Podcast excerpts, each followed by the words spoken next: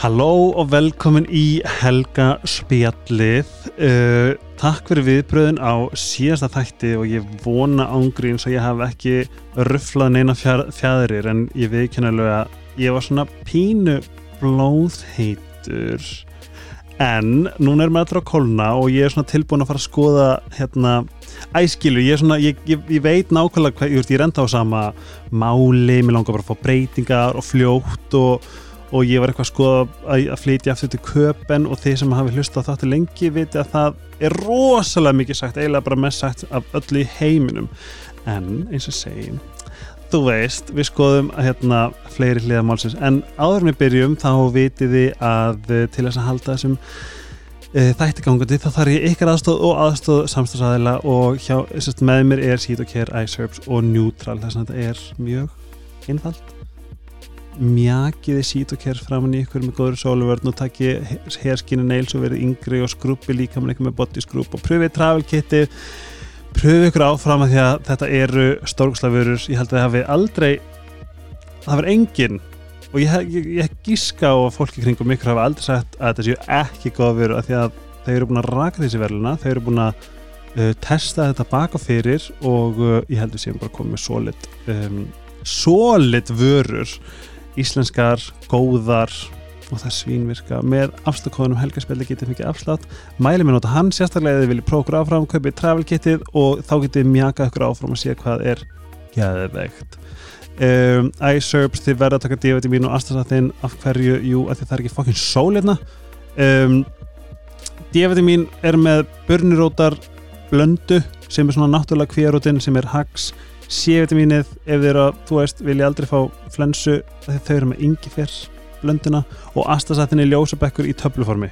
Allt af sjálfsögðu íslenskt og rosalega gott að hafa og bætir guð, ég, ég sko, þarf þegar ég er ekki svona að ég ætla að bráða um að taka svona fræðslu en þeir getið fara á iSerbs uh, Icelandic, nei Natural Supplements á Instagram, þau eru mikið að næ svona fræðslu hvað allt tíður og hvað þetta er ég mun gera, ég veit ekki hvað ég er ekki búin að gera fyrir lengu og svo kemur að Neutral. Uh, ég er svo þakklútur fyrir að svona bara svona stort næs merkja við trúa þáttinn og vil vera með að því að við uh, skilabóðinu einfæld uh, geða allt gott fyrir ykkur og þrýfið ykkur með e, eitur efnalöysu þvottaefni og sápum. Ég á mjög dýr, svona dýr sjáurgel sem ég er mjög nýskur á þetta. Þess að ég geti bara svona, svona Neutral dunk og ég spara það ekki neitt. Að þetta náttúrulega verðin eru geggjuð. Þetta er allt eitrafnulegust og bara gæðveitt, ég kaup mitt í bónus. En bara á uh, næstu næstu verslun. Neutral er svarið. En eins og ég segi við höldum áfram með pólitíkusar aktivista helga í blúsandi og til mínu komin Kristrún Frostadóttir hagfræðingur og formaður samfélkingunar Takk og bless, velkomin. Takk og bless, já. Nei, takk og hæ. Takk og hæ, já, takk fyrir. Hvernig hefur það í dag? Bara rosa fínt, svolítið svona grátt og já, það er vist júni í vikunni sem er ótrúlegt. I know, þetta er pínu pínu brekka. Þetta er svolítið brekka sko. og sko, ég hérna ég pakkaði niður öllum vetrauökunum það var galið að þurfa fara niður í kjallar til þess að ná við þér aftur. Já, já, ég held að við sem við sem stöð ég mitt þurft að græja hérna eh, hvað var það, kuldagalan hjá stelpunum minni Einmitt. í þar sístu vik Einmitt, svo myndi ekki bara frostna en ég fór út að labba með hundin einmitt bara eitthvað svona í tind dúnjakka. Mér var kallt já, já, það er kallt Þetta er grillað, en ég minna Það er rosa gott að búa hérna samt sko. Það er nefnilega málið og við líka svona, málið þar sem ég vil meina er að veðr, veðrið heldur okkur á tánum, já, þar sem það er aldrei boring. Já, það er En ertu búin að kaupa þér hérna einhverja ferð? Ég er ekki tengt veðri. En sýstu mín býr í Svíþjóð. Uh, hún býr í Malmö. Hún er lagnir í Malmö. Geðveikt. og við ætlum að fara bara í viku í ágúst til hennar. Við ætlum líka til Malmö því að sýstir kærastan við spyrir í Malmö Er þetta að meina? Já. Herðu, er, veist, þetta Eða að taka kaffi bara og fá okkur hann að fíku og... Gætum gert það.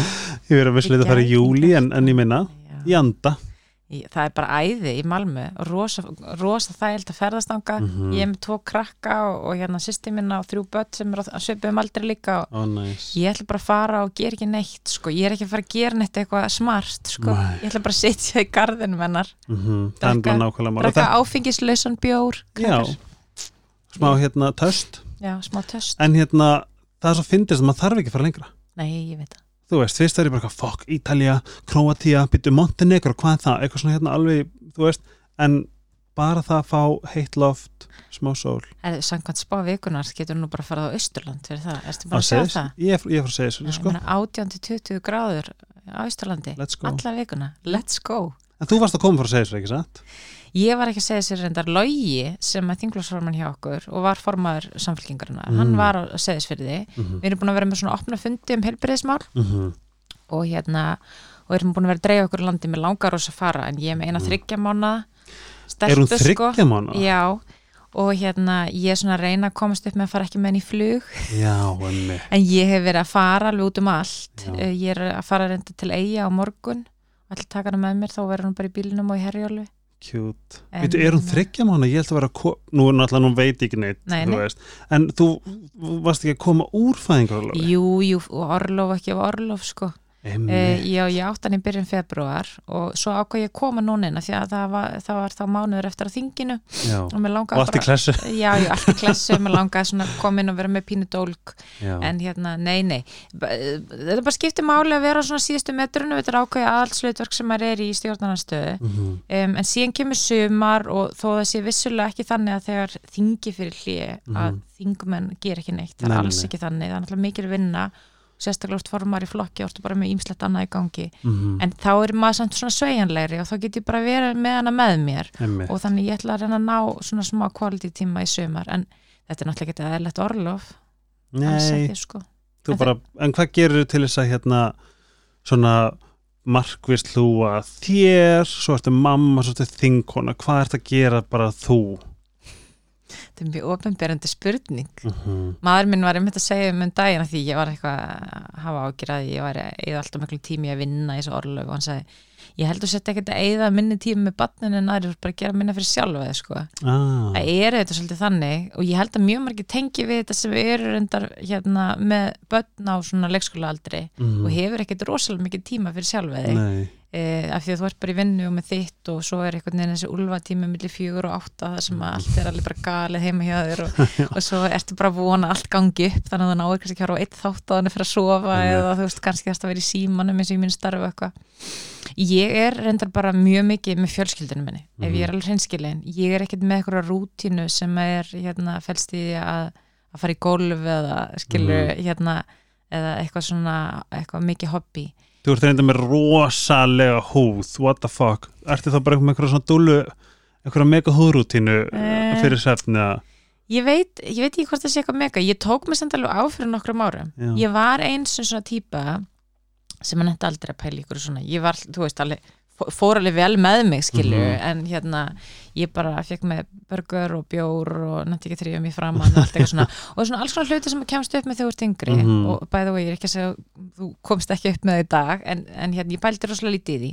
Svo í setni tíð, sko, þá er ég ég hef ekki drukkið í mörg ár áfengi til dæmis, mér líður bara ekkert rosalega vel af því og ég mung börn og svona. Mm -hmm. og hérna, ég borði ekkert kjöt ég, ég borði fyrst og fyrst bara fisk og grammiti og ég pæla alveg í því hvað ég borða mhm. og drekk og drekk minna kaffi en ég gerði áður. Ég var áður á vinnustad í Erlendis þar sem maður bara var í tíu kaffiballum á dag og fór mjög illa með mig sko. Mm. þannig ég held að það hefði örgla áhrif á til dæmis þessu húðunum og þess að það en síðan er ég að nota eitthvað svona serum og alls Nei sko þú ert með rosalega húð. Já takk fyrir að lýsa þessu því fólk sér þetta náttúrulega ekki. Nei það fyndi að því að sko ég er rosalega obsessed að þessu. Já, ég er svo okay. vissulega með bótok sko en, en hérna Ég reyndar ekki neins svo leis Nei þú þarft að greinlega ekki. Nei, vorandi ekki. En þú veist. En já já, ég þrý mig vel framann og, og nota eitthvað krem og eitthvað svona. Fyndið, en þú veist, hvað gerir hérna undir augun? Ég er bara með mjög öflugan baugafélag. Ég get alveg sagt þér það. Ég er með mjög öflugan baugafélag. Ég á eitthvað svona frá ég held að þetta er bekka, getur það ekki verið? já, já. það er svona sem mamma setur undir já. og svona hérna ég kaupi, er, erum við í auglýsingum hérna? Ég meina, ég, á ég segja fólki hverju ég kaupi Við höfum bara samband við heilsöluna og þú sendið reikning. já, já, En ég, hérna, nei, nei, ég pæla alveg aðeins í svona hlutum, sko. Ég mála mig ekkert rosa mikið en það sem ég kaupir er góða vörur, sko. En ég hef aldrei hleyftur út á þess að hrósaði fyrir þetta er Já, ég, bullinu bara, sko. ég hef aldrei farið í viðtalið sem mér er hrósa fyrir húðuna Mér þykir bara mjög vænt um að Er það? þetta, En líka helgarspilli er ekki þú veist, Reykjavík síðdeis þó svo að Reykjavík síðdeis sé geggjast fólkið fyrst mér vera geggjað en hér eru bara dúllur að Já. tala um uh, dúllumáli og mannamáli. Já, ég fíla þetta bara. Ég meni, ég skilda, fólk veldur alveg fyrir sig og ég meni, ég er alveg líka þannig típa. Fólk heldur að maður er í svona starfi að maður hugsa ekki þegar maður sér eitthvað, mynda eitthvað um eða einhver hann bara, mmm, hvað ætli hún gerir við hárað á sér mm eitthvað, ég gerir það alveg líka. Ég meni, Mhm. maður veldur þessu alveg fyrir sér maður vill, hérna, maður vill líta vel út eða minnst að kosti vera bara að líða vel. Ég held að Mhm. það sé kannski frekar setningin sko, að maður getur verið maður sjálfur. Ég held að þegar mann líði vel þá, þá hérna, líður maður vel út. Já, það er rétt, mér greinlega líður mjög illa því ég er ljótunni en æ, ég er ekki sammála því sko. Aðal spurning þessa Já, podcasts emmitt, og nú kemur, þú veist nummer 1, 2, 3 hvað stjórnum ekkert? ég er nöyð Ah. kemur kannski ekki óvart. Nei, það er líka bara mjög gott fyrir þig með við starfið. Já, já. Are you joking, yes? Já, já, en veistu er hérna, veist, hvernig átamli? Já, með 12. mæ Ok, og, og veistu nokkuð tungli og, og rísandaginn? Nei, ég er ekki svoleið. Ok. Ég er ekki svona mikið inn í þessu. Þegar við tökum round 2, þá erum við búin að negla það. Það verður mjög gaman. Ok, já. Ég bara hef þurft að kynna mér þetta þannig komið þátt Við gerum það fyrir round 2, Já, fyrir kostningar En, uh, ok, það var mjög grilla að, að skoða þig af Því ég hefði, þú veist, með við uh, Ferliðinn Þá hljómar eins og sért hérna bara Hvað heitir hún hérna? Nancy Pelosi. En þú ert fætt 1988 Já, Þremarum eldri en ég. Já, það er Þú varst bara cool, cool krakkarnir þegar mér fannst ég vera ömulur í Já, um, Getur við farið eldsnögt yfir í grófum dráttum yfir hérna your uh, CV mm, Ok, þú byrjar ok, Hvar útskrifast, í hvað mennskóla varstu? Ég var í MR Of course Já, já Og hérna Vitu En hvaðan ertu, já þá það, hvaðan ert, ertu úr Reykjavík? Ég er á Reykjavík, ég er bara fætt og uppálun Reykjavík Ok. Hérna í Ég var í Fossóskóla Mm -hmm. Um, Ég bjóði í Dalalandinu þar til ég var 12 ára. Og svo flyttu fóreldrar mínir bara yfir bústaði veginn og ég, ég fór í úlingadild í Kvasseldiskóla Ok. Þannig að ég var Hvassó í Kvassó um, og ég býr þetta núna í 108 sko á hálitsbrytinni ok. Þannig að stelpa mín alltaf nátti ekki að fara í alltumæra skóla sem ég Cute. held að sé bara gott mál. Mm -hmm. um, já, ég var endar ekkit endilega að reyna að færa mig þangað, þetta var bara svona tilvæmlega kent hvernig það er. Þannig að já, ég var í fossaskóla, ég bjó í hérna, í ári í Breitlandi þegar ég var bat, mam, mamma mín fór út að vinna og, og ég var í svona það var svolítið fyndin reynsla, ég var í svona engaskóla sem var bara fyrir stelpur Ok, skólapúning og hérna, ég á mjög finna minningar frá þessu árið, þetta var í Manchester í Breitlandi því fóreldrar minn er bara svona frekar hefbundi millst þetta fólk sko, þau settu alla peningan í skólan þetta árið sem við vorum já, þess að Breitlandi er svona ólíkt Íslanda þýldurinn til eins og í mörgum löndum svo sem í kringum okkur að, að þú veist það er alveg svolítið stjættaskipting eftir hvernig skóla þú ferði ah, og þau voru bara mjög upptekina að því að við fengum góða mentun þetta ár sem við vorum þannig að við skilur, við vorum með garðhúsgögn í stofunni en vor, ég var í einhverjum fínum skóla Ah. skilur, þetta var þannig það er svo cute eitthvað það var alveg allt lagt í það sko Er þið mörg sískinni? Við erum þrjú, Ok, hvað Já. er styrðinni? ég er yngst Mm. ég er loka eintakið Mm. um, mér skilst að ég hafi heldur ekki verið plun Ég segi bara best for last Já, ég er best fyrir last það er það sem ég er sagði ekki. alltaf við pappa sko. eh, en þannig ég á sérst eina sýstur Já. sem er fjórum árum eldri en ég og hún er hérna læknir Í Malmö í Malmö, já, hún býr í Svíþjóð í Malmö og svo í bróðir eh, sem er átt árum eldri en ég og hann er bókasafsfræðingur hann býr hérna bara í, í árbænum Eru öll góði vinnir?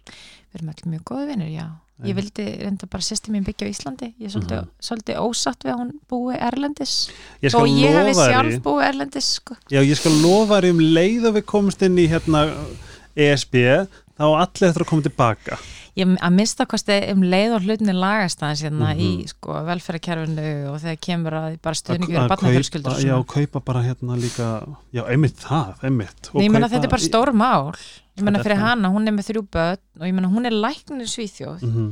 um, og hefur það auðvitað vissulega gott en alltaf framan að varum bara unglegnir og, og fólk kannski ekki á okkur um berjálegum tekjum mm. í svona sérnám og svona en í Svíþjóð þá til dæmis fá bara allir badnabætur mm -hmm. skilju, óháð meiri sé að stjætt á stöðu síðan er bara síðan er bara freka að teki meira fólki sko skattamegin, þannig að ef þú tátt ekki mannskja þá færðu badnabætur mm -hmm. af því að þú átt að upplifa að þú sett partur á samfélagi mm -hmm. og samfélagi sé að þú styðja við þjóð bönnin mm -hmm. og síðan er þá frekar tekið bara meira, meira af því skattamegin skilju mm -hmm. og hérna svo eru þetta þrátt fyrir að húsnæsmarkan þar hefur þetta hækka líka í Svíþjóðins og annar stað sko en það er náttúrulega já, það er vextirnir og greiðslubyrðin og mhm. bara úrræði mhm. og matur og þess að það er uh, og ég, ég veit að það er bara margir í þeirri stöðu síðan er það þetta, mér leiðist að segja að það er líka smá veðrið skilur, ég er að sjá myndir af henni ykkur sért albúm sjá henni þar sem það er allir bara eitthvað stupuksum núna. Er garði, já, með, með appilsinu trí og eitthvað. Já, já, og ég var bara eitthvað að dúða barnið mitt í morgun. Mm -hmm. um, en já, já, það er auðvitað bara margir hluti sem koma til, sko. En ég er að vinna í því með að vera í pólitíkinni að fá hana heim, skilur Já, nefnitt, þetta sko þá svo fyndi bara svona eldsnátt, ég setti hérna stóri í gær þar sem ég spurði fólk eftir eftir hérna að stýrivextarhækku ertu búin að íhuga að flytja úr landi? Mm -hmm. og hóra 56% svo já, eða rúmlega 1200 manns. Vá, það er svakalegt. Það er bara smá skellur. Um, En við ætlum að halda áfram aðeins með þig. Já. Hvert ferðu eftir MR? Ég fór í ég fór bara í háskólan hérna heima okay. ég fór í hagfræði og það var náttúrulega bara svona algjör tilvælun mm -hmm. um, ég, þekki, ég þekkti engan sem hafi unnið sem verið hagfræðingur eða vistafræðingur og hagfræðingur er nú bara svona þú veist, þú kanta á peninga og markaðin eða ekki? Já, sko, hagfræði er kannski svona blanda viðskiptafræði og stjórnmálfræði einhver gæti ah. líst í svolítið þannig Já. eða svona blanda félagsfræði og viðskiptafræði ok veist, það eru þetta bara félagsvísindagarein mm -hmm. um, og snýr að því bara hvernig samfélagið er rekið mm -hmm. um, ég skráði mig fyrst, fyrst í stjórnmálfræði og ætlaði fyrir stjórnmálfræði mm -hmm. um, og síðan ég mann eftir átt samtal við pappa minn hann er indistlegur hann pappi minn sko hann er úr skagafyrðinum og bondasonur og sjálfur þjóðfræðingur ja. þannig hann er nú ekki svona hvað ég segja endilega rosalega fókusur á, á hörðugrinnar en mhm. hann sagði mig Kristján hvað ætlað þú að gera við stjórnmálfræði við hvað ætlað þú að vinna ég kannski bara formaður samfélkingar já, en ég menna þetta sá nú enginn fyrir guðminn góður en ég ákvaða að fara síðan í hagfræði en ég hef verið á elsfræðibraut í MR uh -huh. og mhm. ég var bara svona ágætt í starffræði og, og svo leis uh mhm. -huh. og mér langaði að fara í eitthvað sem að var einhver, einhver, einhver svona starffræði hlið á því en, en var samt, svona samfélagsgrein uh mhm. Eh, en ég vissi ekkert hvað ég var að fara úti ég vissi ekki neitt um neitt svona og ég mhm. skil alveg að fólk sé ekkert inn í því hvernig hækjörfið er reikið og eitthvað, ég meina ég ólst upp á heimili, ég meina móðu mín er læknir og var heimilislæknir framann af og var svo að vinna á bráðamóttökunni í 25 ár. Wow.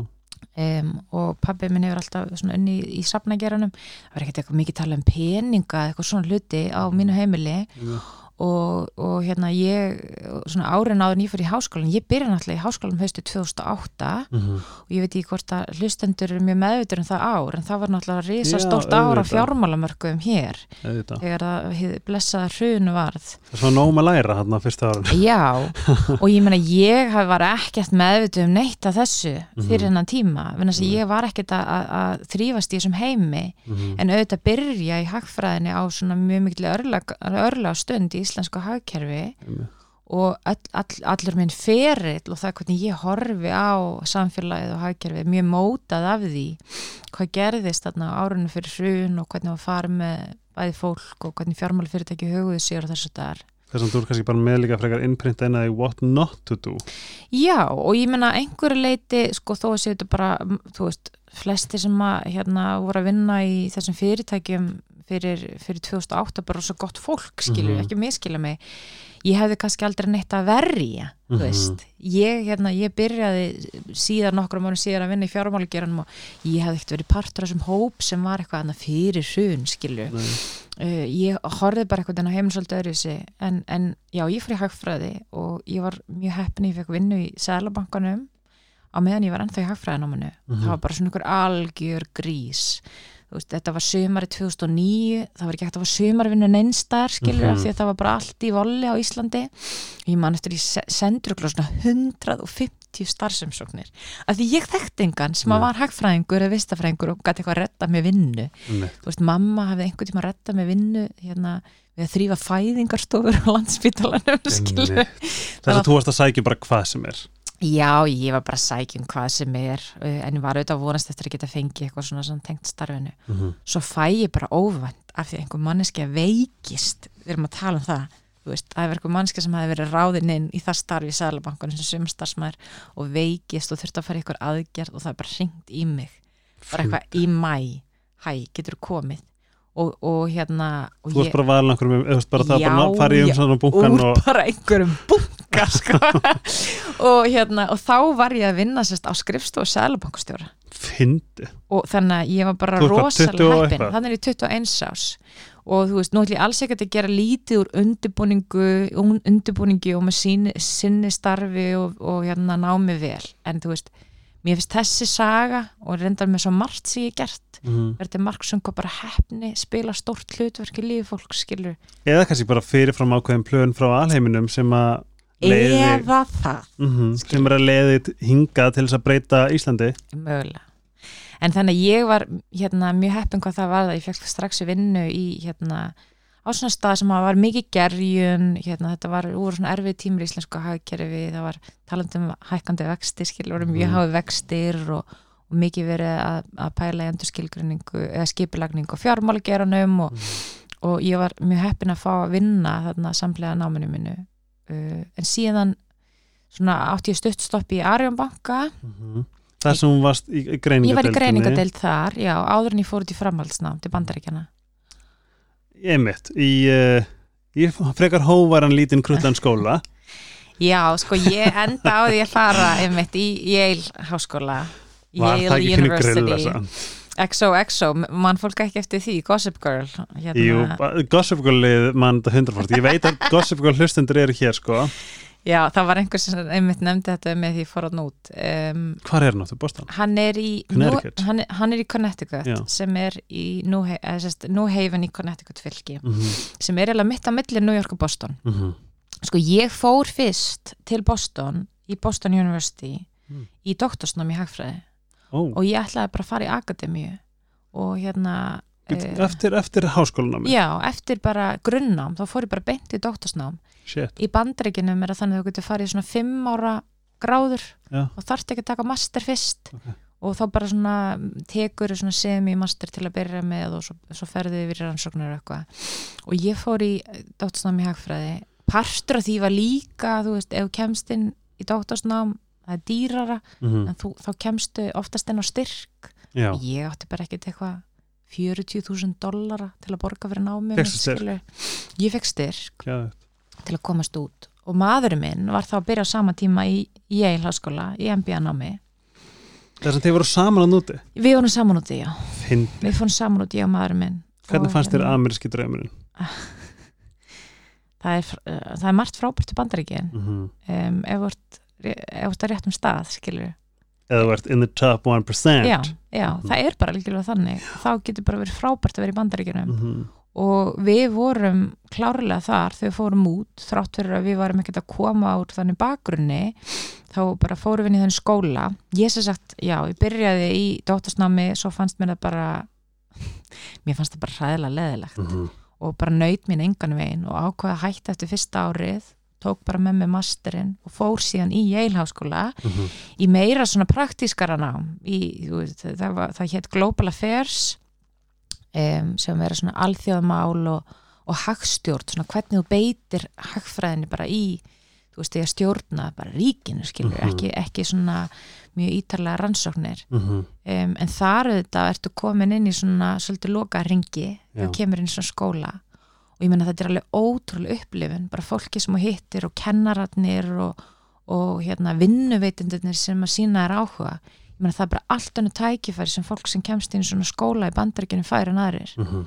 um, þeir bara síndur allt annar áhugi og þetta er auðvitað alveg mögnu reynsla en þetta er líka mjög svona opinberandi fyrir þetta land. Já þess að það er ekkert hver sem er sem að fyrir á þessa staði sko. Ég verð að spyrja, er, þú veist, þegar maður fer í svona þú segir loka ringir þú veist, lí, þú veist upplifur þarna þú veist, er, er narrativið er, þú veist er narratífi þannig að þú ert hagfræðingur og þú, þú gerir jákvæða breytingar fyrir, þú veist, fyrir heiminn, fyrir aðra þú veist, er þetta, þú veist, það sem ég er svolítið búin að, það sem búið að stöða mig svolítið er að mér finnst svolítið vera um, svona eigin hagsmunasemis Mhm. fnikur Mhm. af stjórnmálum. Já, og það er eitt af sorglega sem ég get hugsa mér Já. þegar kemur að því, þú veist, að því að ég hef alltaf hort á pólitík og stjórnmál sem, þú veist, act of service skilur ég er að þjóna fyrir hönd heils, bara he- heilla þjóðar. Mhm, og þannig hef ég alltaf hugsað þetta og þú veist, maður, maður er mjög svona vongóður og maður er, þú veist, þarna. Þú veist, er þetta þú veist, er, er þetta kent bara frá grunni að, að, þú, að, þú veist, að þú ert að, í svona starfi er þetta til þess að þú þénir og græðir og nærða haks eitthvað kerfi eða mhm. er, þú veist, snýst þetta um líka um, hei, hvernig get ég breytt hvað get ég gert til þess að ná fram breytingu, jákværi breytingu bara í heiminum sko það er örugglega bara allir gangur á því Mm. ég, skólinn sem ég var í í Yale, það var svona stopnun innan Yale sem heit Jackson Institute. Mm -hmm. og hugmyndin þar var með public service. Mm og hérna, allir sem komist hangað inn fóru inn á fullum styrk af því hugmyndin var svo að þú ert að koma inn og taka þátt í þjónandi fórustu Ú, og, flott og, hérna, orð já, sem þetta náttúrulega er og Mhm. það er ekki bara pólitík, það er líka, ég menn það voru krakkar hérna með mér sem að hefðu verið að vinna í kvítahúsun eða Pentagon eða hefðu verið í utaríkstjónustu hefðu verið að vinna, þú veist, hjá saminuð þjóðunum einhver er að vinna í, það er alls konar svona úrræði bandaríkinum, Teach for America þú veist, það sem er verið að fara inn í skóla og, og kenna krökkum sem eru frá svona brotnum bakgrunnum eða þurfa frekar aðstóð og alls konar svona þróunar aðstóð Mhm.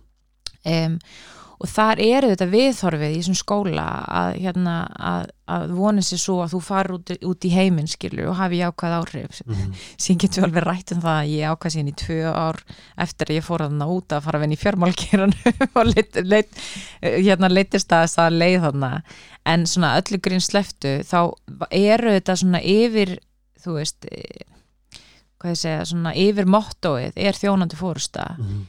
Það sem að gerist hins vegar er að, og, og ég er alveg fullkomlega meðvitið um uh, svona frá mínum bakgrunni er að það er ekkit allir sem hafa tækifæri til þess að fara bara í eitthvað nám og ætla að fara bara í þjónandi fórustu skilur, um, ég til dæmis einn af ástæðinu fyrir því að ég byrjaði að vinna í fjármálageranum þegar ég var í þessu námi uh, var að ég hafði ekkit efnaði að taka mér launalist sumarstarf hjá saminuð þjóðunum Mhm. skilur, Mhm. og, og það er talað um svona elítu ringi og, og hérna svona loka ringi að þetta er svolítið svona tvíekja sverð Mhm. að það, það laðast oft líka að þessum störfum og þessum geirum, svona non-profit og svona fólk sem þarf ekki peningana skilur, já.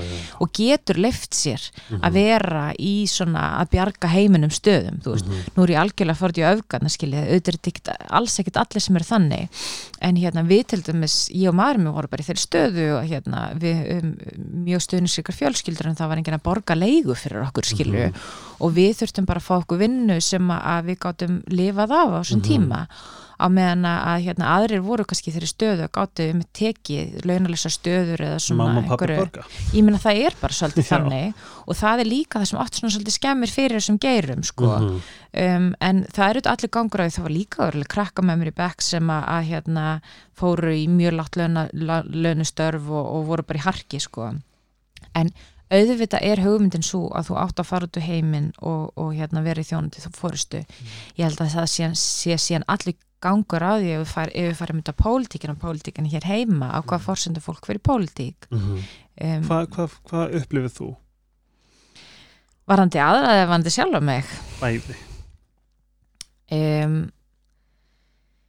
ég veit ekki hvernig maður á orða þetta sko. Ég meina ég ef ég, ef ég byrja bara sjálfur mér ég meina ég tók bara mjög meðvita ákvörðun að fara út í pólitík vegna þess að ég vildi hafa jákvæð áhrif ég hugsa allir fara í pólitík að þau vilja hafa áhrif skilur Mhm. og ég hugsa enginn hugsi að þau áhrif séu slæm í sjálfu sér Mhm. en fólk fer kannski með mismunandi hugssjónir og, og hérna og með þá hugmynd að, að venda mismunandi hópa skilur mm.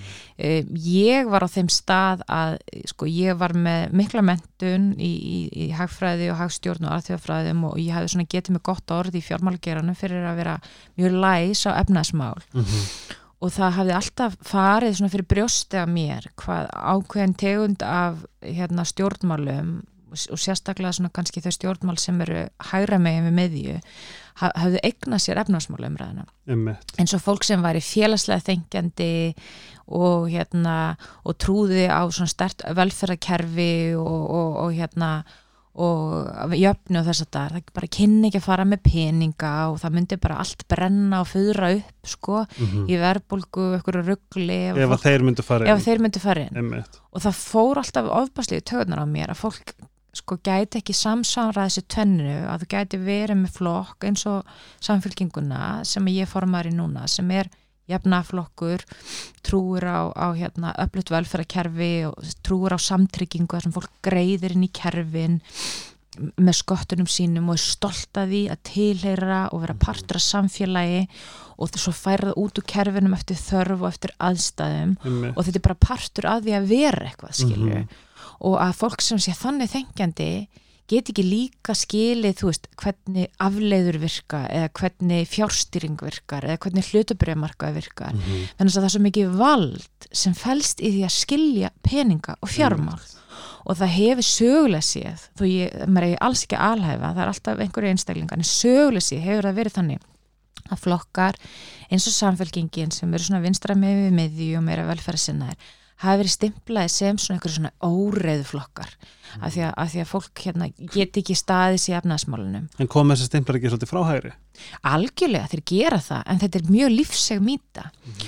og ég, þú veist, ég fór inn í fjármálagerðan sín tíma á allt öðru þessu forsundum en mjög margir aðrir, ég gerði ekki til þess að græða peninga, skilju ég hafði áhuga á efnaðsmálum, ég hafði áhuga, áhuga á greiningum og svona alþjóðamálum og alltaf því ég var í fjármálegerum þá vann ég alltaf við svona greiningar, þú veist, ég var aldrei um, að selja veðrbrif eða ákveður mm. svona mhm. trakki til að vera bankastjóri, ég var meira svona að lýsa heiminum, skilju en ég hef mjög frétta þöla já, ég minna, og einhverju leiti svona segja frá bara floknum hlutum á mannamáli mm -hmm. og, og hérna ég áttaði mig mjög fljóðlega á því sérstaklega eins og í COVID þá var ég að vinna í fjármálugjörðum minna heima og var svolítið að greina ástandi sko hvað um, peningar segja mikla sögu og hvað oft sko valdið er mikið ef að þú ef að þú útlokar fólk frá peningasögunni skilju mm -hmm. um, og ég tók bara það ákverðan veist, ef við bara svona samþjöppum allt mitt líf inn í þessi nokkur, nokkur ár sem ég hef verið í samfélkingunni sem er ekki langu tími. Ég tók það ákverðan bara í COVID að ég hugsaði bara, ég vil bara nota þekkinguna mín í eitthvað annað það finnst mér dásætt það sem ég svo fóruðin er bara svona, ég veit rúkslega þetta er ekki droslega, hérna kannski relevant, jú, hvar varstu hvað var svona augnabliki sem að þú fattaðir, hvar fegst þessi skilaboð upp í, þú veist hjá sjálfur Sko ég hef alltaf verið pólitist þengjandi þó ég var ekki virki í stjórnmálflokki mm -hmm. framanaf, um, ég hef alltaf haft mjög starka skoðanir af pólitík og hérna það er ekkert eitthvað tilviljun að ég fór í samfélkinguna fólk, fólk sem svo rosalega hissa ég hef fór í samfélkinguna að ég væri ekki sjálfstæðismadur af því að ég hef verið að vinna í fjármáligeranum mm -hmm. en það var ekkert eitthvað sem eh, gerist yfir nóttu sko um, svo var ég náttúrulega bara að vinna í svona greiningum og í þannig starfi ég gæti ekkert verið pólitísk út af við sko Já. en í COVID um, þá uh, þá lagðist bara ástandi svona mörguleiti mjög þungt á mig verna þess að sko, ég, mér dætt aldrei í hug að ég myndi gangi gegnum aðra svona fjármálakreppu eins og ég gekki gegnum 2008 ég læriði rosa mikið hérna á náminu af 2008 kreppun á Íslandi mm -hmm. sem var risastór fjármála efnaskreppa heimilin fóru mjög illa út af því.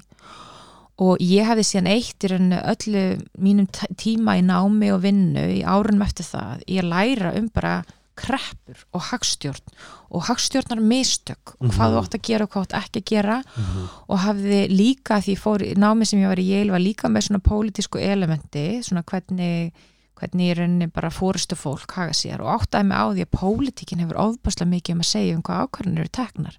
Oft verið að tala um að eitthvað séu bara staðirindir skilur, mm -hmm. þú veist, það er bara verðbólka út af þessu mm -hmm. og Áskir Jónsson segir bara að það sé út af þessu selmangstjóri og hérna sem er veintalega kæft að ég meina, það er bara pólitík í öllu, það eru mannlegar ákvarðanir á baku allt sem er gert Nákvæmlega. og vilji og verk og það satt alltaf í mér að vera einhvern veginn í grein eins og hagfræði og fjármálum það sem alltaf verið að láta eins og við varum bara í svona náttúrulegum aðstæðum mm -hmm. og það væri bara ekkit við neinu að gera Nákvæmlega. og eina stefna sem væri verið að stunda í fjármálræðanundi væri bara sanna stefnan og bæði sanna hafandi eina. já, sanna eina stefnan og bæði hafandi hérna verið vel að mér í fræðunum mm -hmm. en líka hafandi, líka orðið vittni af eins og í COVID, hvernig voru teknar ákvarðanir um að býða með að fara í ákvæðan stuðningsaðgeri fyrir heimili fyrir lítil fyrirtæki hvernig var ákveð að skrúfa frá mjög miklu fjármagni inn á fjármálamarkaði til að pumpa upp allt kerfið sem að vissulega hleyfti kannski einhverjum heimilum inn á húsnæðismarkaði en að einstaklingum en líka öllum sem að voru að stunda afleiðviðskipti og sem voru stunda verbreyðviðskipti og allt þetta mm -hmm. sem er ekkert aðeins stunda, það snýst ekki um það. Þetta snýst bara um ójabæð sem skapast þegar allir einhvern veginn hérna fá sama stöðningin og ég skrifaði rosalega mikið um þetta á þessum tíma, mjög margar greiningar um hvað mér fannst að stjórnvöld þetta að gera. Hvar byrstu það? Ég var með postlista því ég var hjá Kveikubanka sem að fór út í rauninu bara á svona lokaðan hópa fólki í fjárfestum. Vá, en síðan fór þetta svona eiginlega leku út og, og dreifast og á einhverju tímpunkti var ég mætti í, í fjölmjöla á Kastljósi að tala um húsnæðismarkaðan og ferðjónustunum svona.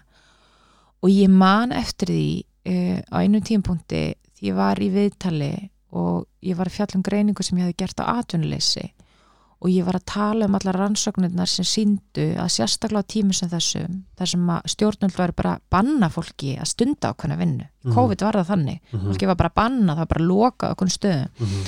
að þá þyrti að hækka atvinnleysisbætur Mhm. og stiði betur fólk og það væri engin, engar svona empirískar rannsóknir sem bentu til þess að það væri vond fyrir hagkerfið Mhm. að hækka atvinnleysisbætur af því að þá kom alltaf eitthvað svona röka fólk verið það oflatt til að vinna og eitthvað og ég man eftir því að það kom svo mikið gaggrinni frá fólki sem að var meðal annars úr mínum geira en líka svona hægra megin um að þetta væri alveg ótrúlegt að þetta kæmi frá hagfræðingi, þessi skoðun að, að hérna það, það er- ætti að hækka atvinnleysi spætur á Mm. sama tíma og það var búið að svifta fólk lífsviðværi sinu og ég man eftir að setja þessu viðtal og hugsa bara, ég trú ekki sé að setja hérna En og ég fyrir að útskýra þetta fyrir Já, fólki er þetta ekki gaslýsingin sem er bara mjög óvegjandi að það sé bara, þú veist, vera sannfæra bara, þú veist, sannfæra fólk um eitthvað sem að þú sér það svart og hvítu Mhm. hagfræðingur, þú veist þetta Mhm. en svo kemur um mitt hægri til Mhm. dæmis Mhm. sem er bara, þú veist vill eigða fjár, fjármunum í, í annað og kannski, kannski aðeins meira eins hags uh, whatever, eitthvað. Já, já, þú veist, var það ekki styrlað að þú veist, sitja og bara svona ok, það nú að vera, nú að sannfæra fólki um eitthvað sem að er ekki? Jú, jú, ég meina það er bara þannig. Og, og það sem er kannski erfiðast við þetta er að sko auðvitaðlega fólk aðna úti sem að veit þetta og fólk sem hefur þekkinguna til að útskýra þetta. Mhm. en það er kannski ekki allir í stöðu til að tjása um það emmi, með vettvöngin Já, annarkvort bara áttu erfitt með að koma fram getur það ekki starfsins vegna Mhm. þorir því ekki að því Mhm. einhver hefur tekið upp síman þig skilur, það hefur alveg fólk tekið upp síman reyndi mig, þú veist, það gerist Já. og það hafa, eru ekki allir í þeirri stöðu að geta tekið já, mér langar að segja, bara geta tekið slægin skilur, Mhm. og geta sagt bara herru, þetta er bara ekki rétt Mhm. eða, eða að minnsta kosti segja sko, þetta er ekki eina leiðin að markmiðinu mm -hmm. og, og, og hérna og ég áttaði mig bara tiltölu fljótlega á því að ég hafði ákveðna eiginleika. Þetta hafði svona uppgötast því ég var að vinna. Ég var, sérst, í, í, því ég var í bandaríkjunum eftir útskrifst þá var ég að vinna hjá fjárfestingabanka sem heitir Morgan Stanley. Og, og þar fekk ég svona tiltölu hérna, mikla kvartningu í, í, frá yfirmönnum varðandi að þú veist að ég væri góða að, að koma fram og svona pitcha eins og þeir segja og áttaði mig líka að því ég var að vinna í kviku að fólk hlustaði þegar ég talaði það Mhm. var þetta fólk alveg stundum ósamála mér og það var bara svona eitthvað moment þannig COVID það sem ég sá hvert var verið að beina umræðinni um hvað var ég ekki hægt að gera og hvað var ég ómögulegt skilju mm -hmm. og ég hugsaði bara, herðu veist, kannski ætti ég að vera að nýta tíma menn ég að gera eitthvað annað wow. á ég ekki bara, veist, ef ég hef trúveruleika í þessum málflokki Mhm. þá langar mig bara að gefa samfélkinguna hann skilju Mhm. Að það er svo margir sem segja við mann sko, guð þú fyrir pólitík þá bara, þú veist þá bara eigðilegur karrierið þinn, þú veist það er svo geisla virt að fara í pólitík og það verða allir ómöguleg sem fara í pólitík og ég skil þetta einhverju marki og ég og, og svona líka þú, af því að við erum sem er kynslu Helgi, Mhm, Þú veist, við erum sem er We're kynslu the same you and me. Já, já, þú veist sem alast upp skiluru á, þú veist, þessum árum eftir fjármálkreppuna og erfiðar aðstæður í Spice samfélagi. Spice Girls, ég meina alast upp með Spice Girls. Taylor Swift. Og svona. Celine Dion. Celine Dion, ok, ég er þetta með mjög góð. Celine Dion sögur sem varst að minna mig á Ok. en hérna e, þú veist, við vitum alveg að það, það kom í langan tíma tímabil í íslensku pólitík þar sem að bara, það, það þóttu bara ömurlegt Mhm. að vera stjórnmálamæður Mhm. og, og að það hérna og þú, það vildi enginn fara í stjórnmál af því að, af því að þú varst einhvern veginn bara stimplaður sem einmitt einhagsmjörnsegur eða þú yrðir bara svona eitthvað skrítið númer um leið Mhm. þú værir ná þing Mhm. þú værir alltaf bara hérna, með einhver svaka yfirlýsingar í fjölmjölum og þú væri ekki trúverður og, og ég sagði bara fólk, herðu, ég ætla bara að fara inn vera eins og ég er, Mhm. skilur fólk tekur mig á þeim fósendu sem ég er Mhm. mér langar bara að gefa af mér þess þekkingu sem ég hef í efnaðsmálum Mhm. ég hef líka þetta brennandi áhuga á velferðamálum en ég veit bara að grunnurinn af velferðamálum er efnaðsmál, skilur Mhm. allt sem er að stoppa stóra breytingar í velferðarkerfun okkur í dag er fjármálaráð þeirra Mhm. og fjármálaráðuniti og ef að flokkur uh, eins og samfélkingin vil láta taka sig alvarlega þá þurfum við að vera líka með raunhafur lausnur á efnaðsmálsviðinu Mhm. þannig að ég, þetta, ég hætti bara í vinnunum minn helgi til að gera þetta, það var bara þannig veist, það bara, það var bara það, ég fekk kvartningu frá fólki í samfélkingunni um að bjóða mig fram Mhm. í Og köllun frá svona, já, í svona mini-prófkjöri og hérna þetta var í desember 2020 Mhm. og þetta, þessi kostning eða kjör eða hvað sem að kalla þetta var í janúar 2021 og kostningarna voru ekki fyrir september Mhm. og ég hætti bara í vinnunum minni Vá. til þess að- að fara í þessu uppstillingu verðan þess að ég gæti auðvitað ekkert ég meina ég gæti ekki verið að vinna á sama tíma ég var komin í þetta þannig að ég tók bara ákvörðunum að gera þetta og upplifði, ég hefði kannski engu að tapa ég hefði aldrei getað séð fyrir þér að þú veist einu og hálfu, tveimur, ég meina sko rúmu ári eftir ég var komin á þing var ég hann formæðan í þessum flokki og einu og hálfu ári síðan setjum við hér og það er komna svona aðeins aðrar aðstæður upp í íslensku pólitík sko. Mhm. en svona er lífið átt sko. Eins og segi, fyrirfram ákveði já, ég meina, kannski er það bara einlega til að horfa En það sem mér finnst vera svo magna með því og það sem er búið að vera gaman að heyra er að þú veist, þú ert greinlega búin að byggja upp alveg brjála tröst á mjög skömmum tíma og myndur að segja að það væri út frá því að þú ert þráðbein? Og bara veist nákvæmlega hvaðan þú ert að koma, hver ásendingurinn er og hvað þú vilt gera. um, ég meina vonandi er það ástæðan Mhm. ég held að það sé ástæðan Mm -hmm. maður veit auðvitað aldrei nákvæmlega hvað það er sem að gera verkum að fólk um, treystir manni eða er ánægt með mann og ég hugsa að ég sé margir hlutir fyrir mismunandi fólki skilur, Einmitt. ég hef alveg heyrt það því ég tala við einstaklinga að fólk sér mismunandi hliðar á mér Mhm. eða sér sig ákveðin hátt í mér sem einhver annar sér sig ekki skilur Mhm.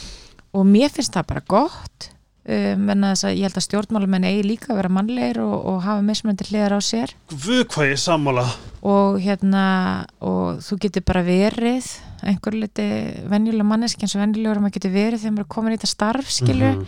en já, ég meina, ég er mjög hreinskilin Mhm. stundum hef ég lent í svona, ég ætla að kalla það minni áttar vanda át að því en, en ég fór bara í þetta starf vegna þess að ég horfa á þetta sem verkefni Mhm. ég horfa ekki á þetta sem karriér skilur, Mhm.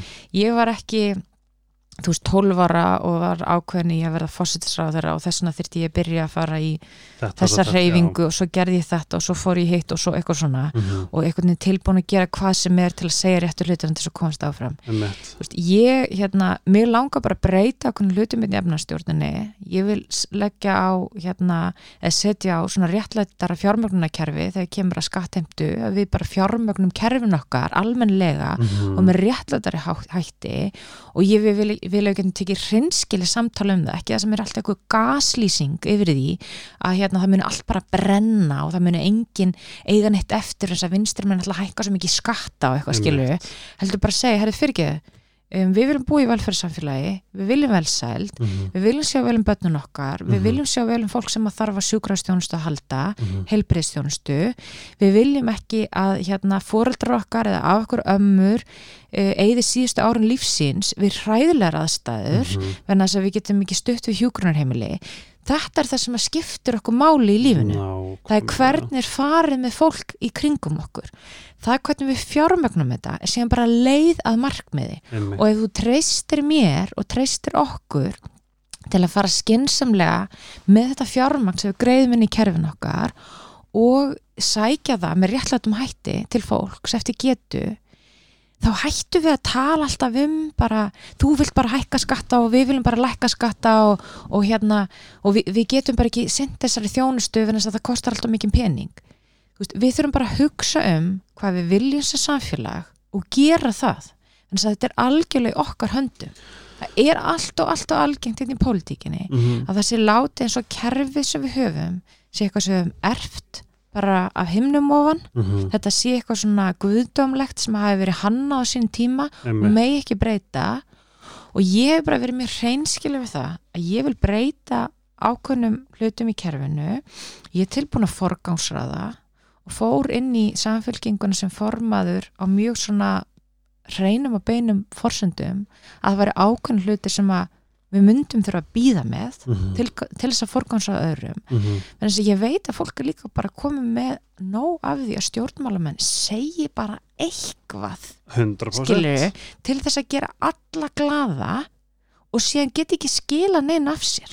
Það er alveg það sem að er held ég sem að stuðar marga rosalega mikið og sérstaklega þú veist, að- auðvitað eru mörg okkar sem að standi ykkur ógæslega vel og eru með 100% réttan réttan hérna ásanning en auðvitað til dæmis eins og núna þegar var hækkað öll laun þú veist, það er ótrúlega stuðandi en bara út frá því að ef ég fæ launahækkun eða einhver fær launahækkun Mhm. og sérstaklega bara núna látt ekki fólks þú veist, þau eru að fá launahækkun út frá því að geta lifað af.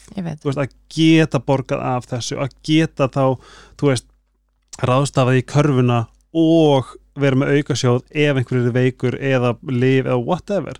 Veist, þetta og, veist, og, og, og hugmyndin um það að það eru fullt af stjórnmálumönnum sem eru bara að vinna við það að gaslýsa, eru áskrifundur á launinu sínum, þú veist, eru bara basically að beita veist, þjóðina andli ofbeldi og s- sannfærðu um að þau eru ekki að, veist, að þau eru vandamálið og, og að allir hafa rétt fyrir sér og svo gerist ekkert. Þú veist, launahækkun á því það, þú veist, ég er búin að, er að skila af mér nóg góðu Mhm. til þess að eiga að skila hærri laun. Þú veist, ég er búin að standa með þetta vel í starfi og hér, hér er veist, hér er verðluna fyrir það. En þegar maður upplifir það sem bara þú veist, hvað er þetta samfélags þegar sem hinn almenni palli og seggi um, þegar maður horfir á og ég er ekki að djóka, mér finnst það sko ég bara, ég grenja yfir sem miðgudaginn það er, það er einhvern veginn það er einhvern veginn ekkert að vera betra veist, hvernig upplifa maður ekki bara heyrðu, það eru komin leikskólapláss heyrðu, það er búið að minga þetta eða vextir hafa lækkað eða um, það er komið fjármagn í salfræði þjónustu, þú veist, það eru aldrei neinar fréttir um betrun og bætingu og það er gjörsamlega hræðilegt. Og það er eitthvað sem að, og þess vegna þegar ég hérna fræði mig um ESB þá, þú veist, því bjóði Danmörku í átt ár Mhm. uh, að hugsa til þess að færiar þetta, þetta var eitthvað dæmi sem að mannlíf tók það sem að óvertryggt nei vertryggt uh, lán í færium, þú ert búin að borga þau upp og þá ertu búin að tekur lán fyrir 11 miljonum, borgar 15 eftir, þú veist, með vöxtunum heima óvertryggt, nei vertryggt, öfugt fyrir ekki vertryggt heima, þú tekur sa sami upphæð 11 miljonir, borgar, er búin að borga 115 miljonir eftir 20 ár. Mm -hmm. hitta 40 árum. Veist, bara þetta, þau hérna kortir frá já, já. eru bara með þú veist, þetta er bara, þetta er bara allt annað handlugur þetta er svo, þetta er svo, þetta er svo bara New Papua og Ísland, veist, þetta, þetta er svo langt frá okkur já. og þetta er það sem að stuðaði mig svo mikið, ég bara, ég trúði ekki hvað ég var að lesa og svo frætti ég mig meir um þetta og svo hlusta ég á viðtal við Sælubankastjóra sem að bara sati gaslýsingu uh, talaði um að, að við værum gerendur, þú veist, eitthvað svona alls konar bullshit það er svona, þú veist, þess vegna er vitavakningin vonandi núna að fara að blossa upp byltingu, það sem við þurfum að sjá bætingu Mm -hmm. reglulega, Mm -hmm. skilur Mhm. það er það sem þú skattunar okkar er að fara í ríkistjórnuna Já. til þess að þau sinni sín starfi vel veist, þetta er svo stuðandi þess vegna þurfi breytingar sem fyrst þess vegna er hræðir að þessu kostninga eftir tvö ár þú veist Já, já, ég meina þetta er það sem að mér finnst kannski alvarlegast er að sko það er margt frábært á Íslandi og sko við eins og getum verið hvað, getur ekki meina, smá von? það er núna, sko, nú vil ekki hljóma sem ég sé eitthvað í ríkistjóð en ég meina það, það, það er að mörguleiti gott að búa á Íslandi í Mhm. samingi við, þú veist, þú ætlar að, ætlar að skoða bara veist, heiminn í heilsinni sko, eða, eða þróu ríki ef við tölum bara um, um hérna helbriðstjónust og umönnun og þess að það er Mhm. en staðrindin er samt svo að sko það er ekkit óeðlilegt að í velsaldar samfélagi þar sem að gengur vel hjá stórum hópa fólks Mhm. að fólk gerir kröfu um betri þjónustu Mhm.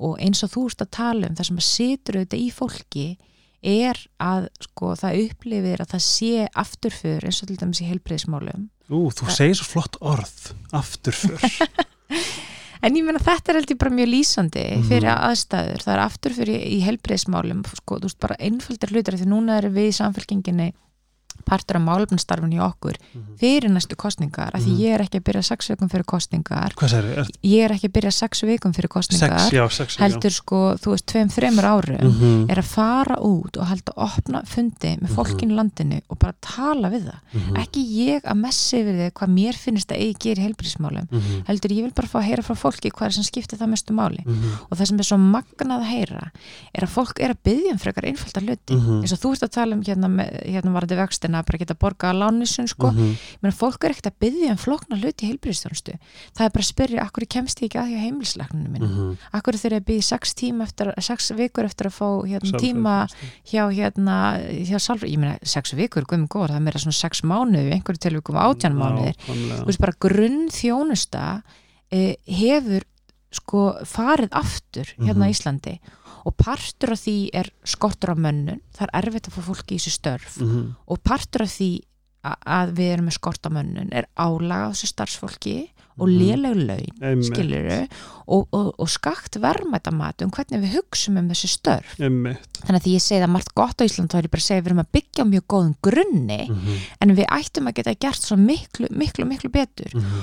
og þetta skakka verðmættumat sem gera það verkum að fólk til dæmis eh, sem var að vinna í fjármálgeranum eins og ég, Mhm. skilur, var á, á, var á mjög háum launum þú veist, Mhm. við það að sísla með peninga fólks eða greina hagstærðir Mhm. á meðan fólk sem er að sinna okkar nánasta fólki Mhm. börnunum okkar fóreldrum okkar.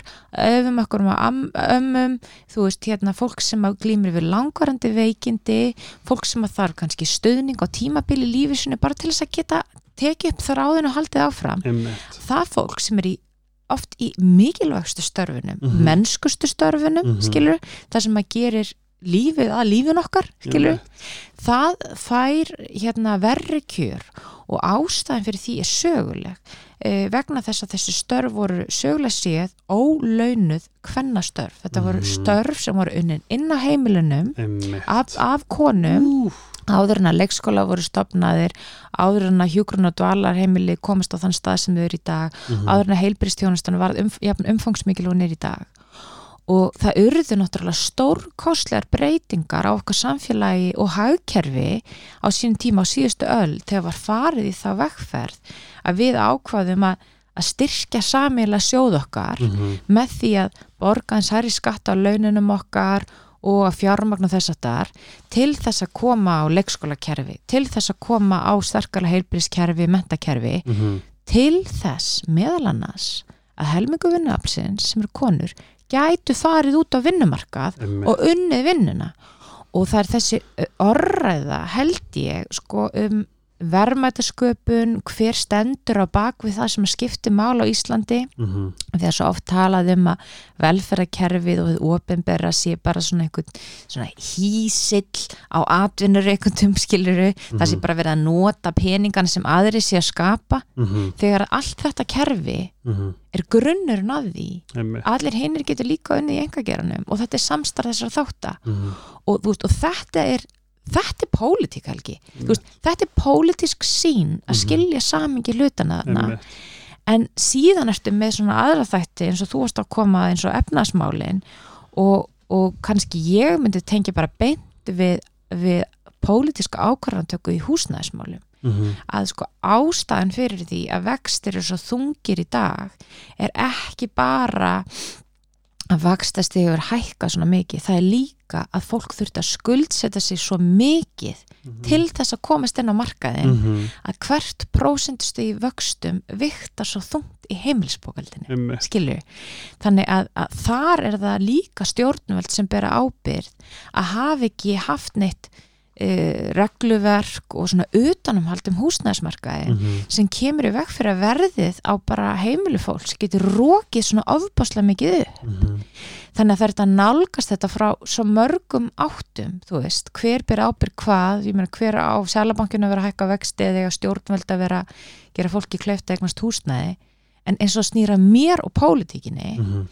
þá skil ég bara að þú þarft að vera með eitthvað sem sér stóru myndina Einmitt. sem sér heildarmyndina skilur, skilur af hverju fólk hefur ekki efna húsnæði mm -hmm. og er tilbúin að taka ákvarðanir eins og að setja meira fjármagn í uppbyggingu á ódyrra húsnæði mm -hmm. setja meira fjármagn mögulega í hagkamari lán uh, koma á fót einhvers konar stopnun sem að stiður við fólk til fyrstu kaupa uh, koma á uppbyggingu húsnæði á leiguýbum sem eru ódýrar hérna í leigu svo fólk Mhm. geti byrjað á réttum stað í lífinu Einmitt. og sé kannski ekki eigða fyrst tíu árin sem að það býr e, sjálft að, að hérna sjá 300 skall fara á mánuði í leigu skilur og getur aldrei sparað Nei, eða bara 420 Já, veist, ég meina- eitt herbyggi þetta, veist, þannig að þetta eru pólitískar ákvarðanir en, en sko ef við, ef við bökkum að förum aftur í skilur af hverju maður fer í þetta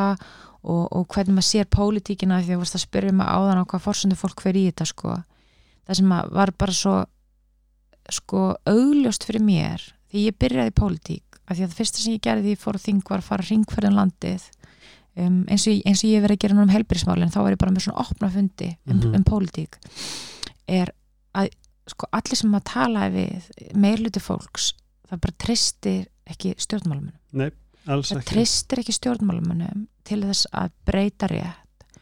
Og sama hvort að þessi sannkjöld gaggrin ekki skilju, Mhm. þá er þetta til staðar. Og þetta er ofbáslega alvarlegt vandamál. Nefnilega, en þess vegna finnst mér líka, þú veist, þess vegna erum við líka, allavega til dæmis ég, ég, ég er svo vongóður fyrir nýja blóðinu, þú veist, þú ert fætt 1988, þú veist, við erum að horfa á gamla skrögga sem er búin að vera þarna endalaust í sömu hjólförunum og ekkert breytist, skilu, og eitthvað svona, svo heyrði ég í dag bara eitthvað, já, hérna, segjum við dag við erum að koma með eitthvað, svona rök út af einhverjum innflytjendum og þá bara hoppa allir á þann vagn og ég fæ bara svona hvað er það að tala um, þú veist, þetta er bara sama drastlið sem bara verið að segja eitthvað.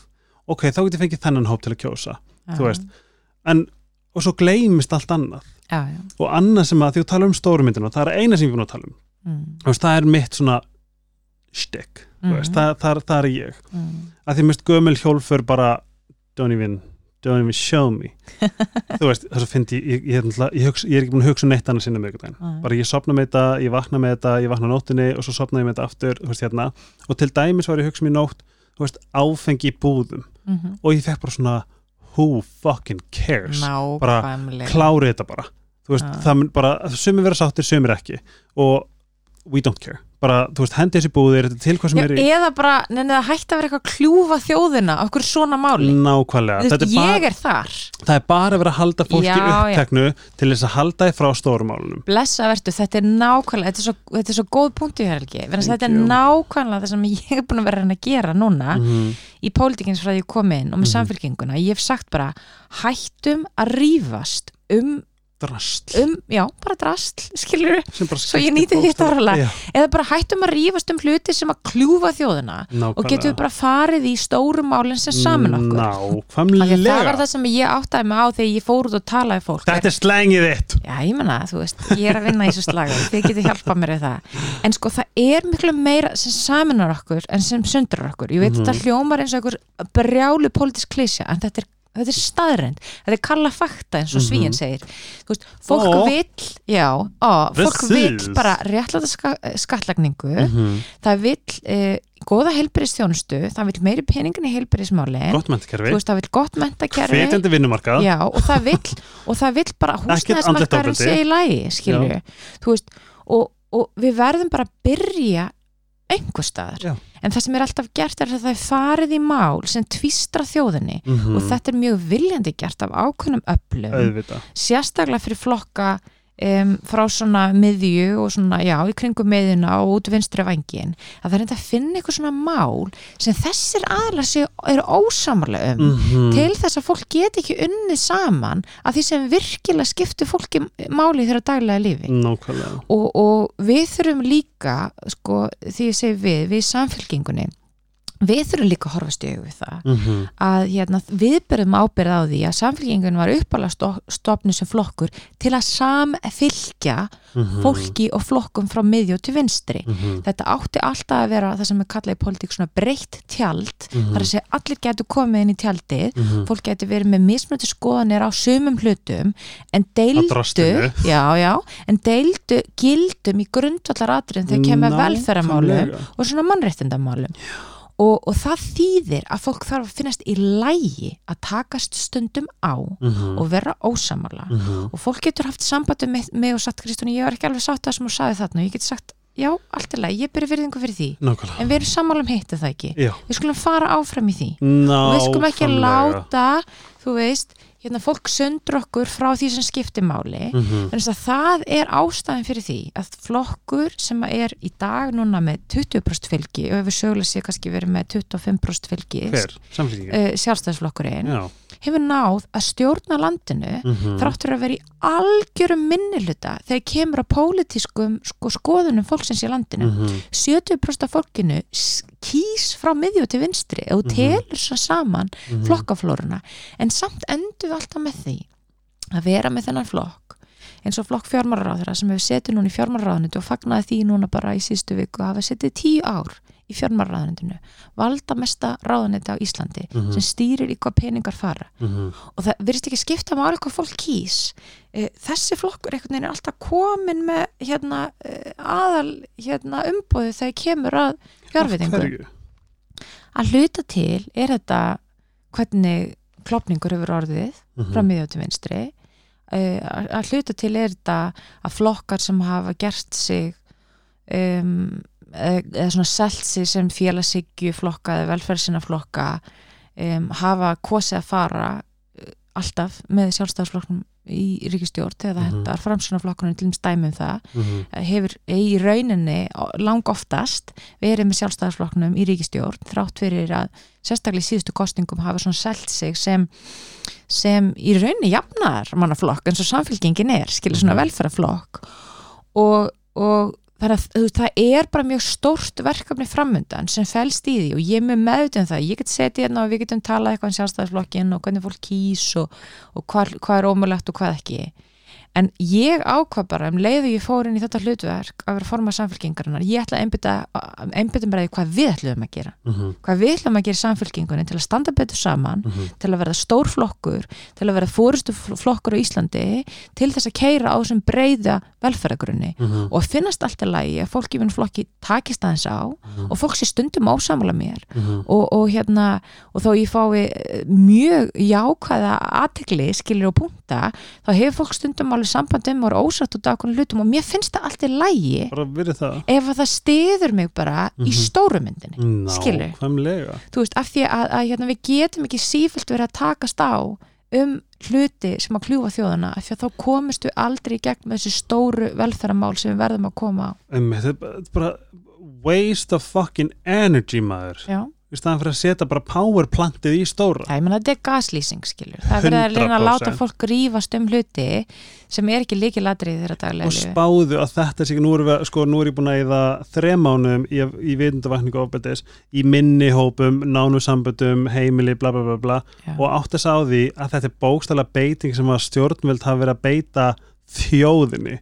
Það er skellur það er algjör skellur. Pólitík gengur náttúrulega er, er svolítið mikið leikrið sko og þú áttar þig á því þegar þú stígur hann þetta svið. Mm -hmm. hvað, er, sko það sem ég var eiginlega mest hissa á um, að því að ég nú ætlum ég ekki að gerast svo djörf að segja að fólk sé ekki vel meinandi, menn flesti sem eru á þingi erum vel meinandi, ég ætla bara að fá að segja það skilur ekki allir. Nei, ekki allir.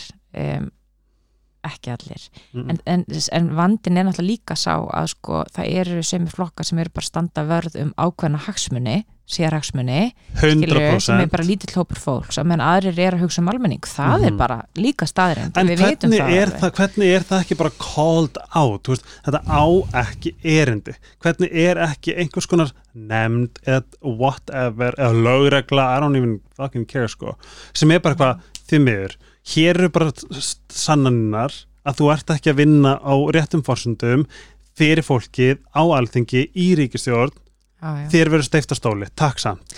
Hvernig er þetta í alvörunni ekki Nei, ég meina, ef þú ert líðræðislega kjörin þá ertu bara líðræðislega kjörin, skilur, það, það, er bara það þannig. vera það, það verður, eða nú er ég bara úr það hlýtur að þurfa að vera einhvers konar sko, svona rítskoðan einhvers staðar, Nei, ég meina, aðalmálið er þetta bara að fólk sé kemst inn á upplýst aðalmálið er að fólk sé upplýst um hvað það kýs mm og fólk fari og kjósi -hmm. og hérna láti finna fyrir sér. Það er bara þannig, því að það Já. versta sem hefur gæst í pólitík og undanfjöndum svona áratug 10-15 árum Mm er að fólk upplifir að það skiptir ekki máli hvað það kjósi. Algjörlega. Það haldi einhvern veginn að það sé allir eins það segja allir bara eitthvað og það mun aldrei neitt breytast og ég er bara hér til að segja fólki að það skiptir máli hvað þú kýst. Og það er að breytast, þú veist, það er að koma nýtt blóð og það er vonin, það, og þetta er, bara líkil atriði að, að, hérna, að beita sér í umræðum, þú þarft ekki að vera eitthvað hápólitískur, þú þarft ekki að vera alltaf samfélagsmiðlum að vera alltaf að deila ykkur eða dreif ykkur, þú þarft bara að taka umræðina heima hjá þér Mhm. og fylgjast aðeins með -hmm. og, og áttaði á því að, að sko að það, að, að það hvað flokkar komast til valda hefur áhrif á daglegt líf fólks og sko ég er bara á þeim stað að, að og bara lífsgæðum fólks. Ég meina, þetta hefur bara grundvallar áhrif á lífskeiði fólks. En það sem að gerist auðvitað fyrir þú ert að tala um gaslýsing og þess að þetta þetta er auðvitað bara sem pólitíkin gerir. Hún reynir að mála upp bara mjög einfalda mynd af andstæðingunum stöðut, Mhm. skilur að það er oft mála upp þessi mynd til dæmis af flokki eins og samfélkinguna að bara, við viljum bara eigða peningum í eitthvað og brenna peninga og ríkisöðu fara bara hausinn og allir þurfa að borga 90% skatta og, og hérna það munir bara allt fara norður og neður skilur Mhm. og líka það sem er mjög lífsegt sem er svona brauðmála hagfræði sem fælst í því sko einn daginn, Helgi, einn daginn þá verður þú kannski svo ofbáslega ríkur að þú vilt ekki að hafa einhvern tíma kosi með því að setja skatta á ofbáslega ríkt fólk Mhm. menn þá þarf þú að borga skatta því í framtíðin skilur, veist það, það er, og þetta er svona, þetta er amerikanin í okkur, Mhm. skilur, þetta er svona svona tækifærispólitíkina þú veist, one day you will become something og þá vilt þú ekki hafa hérna uh, þyngt líf þeirra sem eiga mikið en þess að þú vilt þá að það sé engar hömlur á því skilur Mhm. og, og þetta er auðvitað svo galin pólitík Má ég- er það bara svo ég skilur rétt, þú ert að segja að þú ert að ef, segjum ég verið óksla ríkur Mhm. það er verið að segja mér, þú verið óksla ríkur tíu ár, þá ég ekki hafa viljað hafa kosið uh, þú veist flokka sem vilja hækka skatta og efla allt já, landið. Já. þetta er svona það sem er á ennsku kalla svona aspirational politics. Að svona Aspirational að- þú politics is bullshit. Já, ég það er svolítið þannig. En þú veist, að það er verið að keira inn á það að hérna að, að, að ef að þú setur hérna leggur á herri skatta og fólk sem á mikla regnir eða er að hán tekjum eitthvað svona þá í fyrsta lagi letur fólk til að vinna og í öðru lagi þá séu það ósangjant verna þess að fólk hafði svona ábúrslega mikið fyrir því sko mm -hmm. og í þriðja lagi að, ég meina, einn daginn þá getur þú kannski bara verið á svona tekjum skilur, Mhm. og þá vilt þú ekkert hafa lagt stein í götu sjálfsins Mhm. og þetta er svo galin, galin frásögn Mhm. Af svo mörgum ástæðum að því í fyrsta lagi er það auðvitað þannig að þó sé mikilvægt að fólk leggja sér fram og það er ekkert óeðlegt að sé einhver launamunur eftir störfum Mhm. eða mentun eða þjálfun eða reynslu eða hvað svo sem þú vilt kalla það og ekki, það er enginn að tala um flata launadreifingu Mhm. þá eru takmörk fyrir því hvað þú getur sagt að þú hafi fengið að peningum af því að þú varst svo duglegur skilur Mhm. þú veist, já, já, og þú tókst kannski auka vakt það er eitt, Einmitt. en ef þú ert með þú veist, 10 miljóna á ári þá er það ekki vegna að ert svo miklu duglegri en einhver annar. Fólk sem er í þremur vinnum til þess að hafa onni sig eða einstæða móðurinn sem að þarf að sjá fyrir þrem börnum og er í Mhm. aukavinnu Mhm. hún er bara rosalega dugleg helgi sko.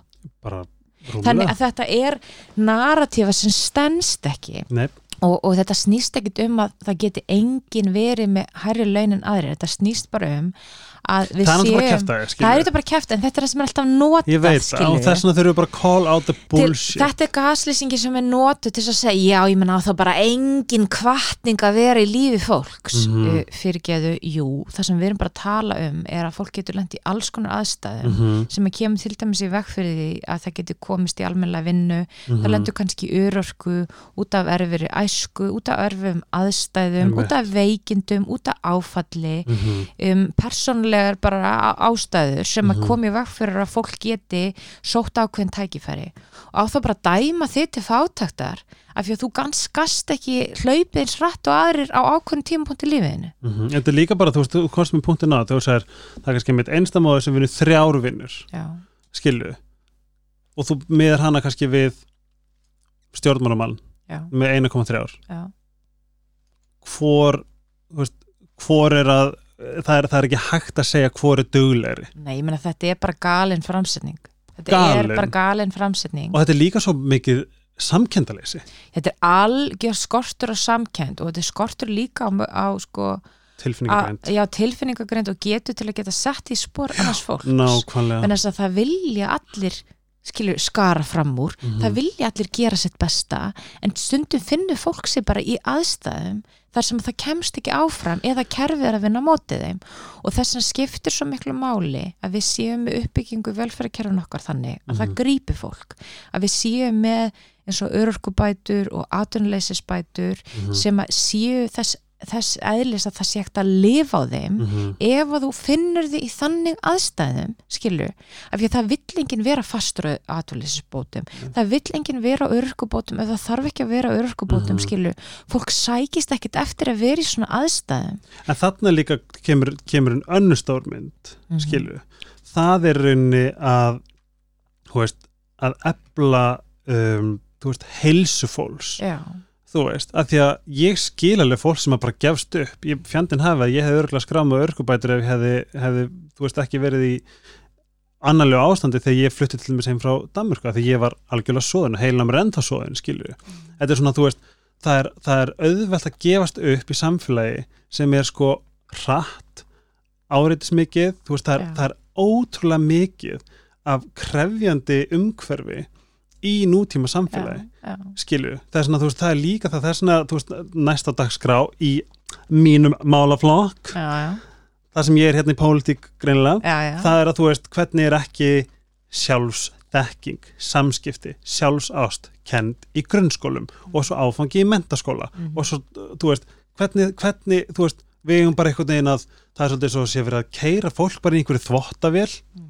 Þú veist, hérna, út úr öllum skólum það er svo að fara þangað, hérna þú veist, hver er grunnur, hver er grunnur að allri heilsu það er að líða vel í sjálfu þér já. sjálfstekking, kunna setja mörg kunna eiga samskipti Já. vita hvað, hvað fólk meinar geta, geta tekið ekki hlutum persónulega Mhm.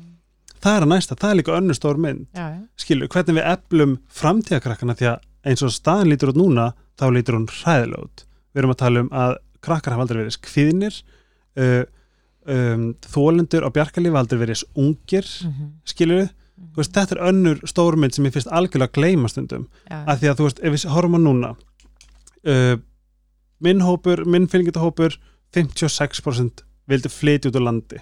Já, þá missum við uh, þá missum við af uh, skattgreðendum og, og íbúðakaupum og allt þetta, allar þessar byggingar sem erum að byggja mhm, skilju, af því að þau eru ekki með þú veist, af því að það er ekki, þú veist núverandi ríkisjón er ekki að gera neitt mhm, til þess að bæta það. Mhm, annað, uh, þú veist, Gen Z þekkt fyrir það að ná að call out the bullshit. Mhm. af hverju ætti ég að vinna Mhm. þegar ég er að vinna fyrir bröðmólum og hvað, ég get ekki gert neitt mhm. skilju, þú veist, þetta er, þetta er algjört lack of, of motivation og meðan við, eins og okkar hérna kynslu Mhm, það var bara spennandi.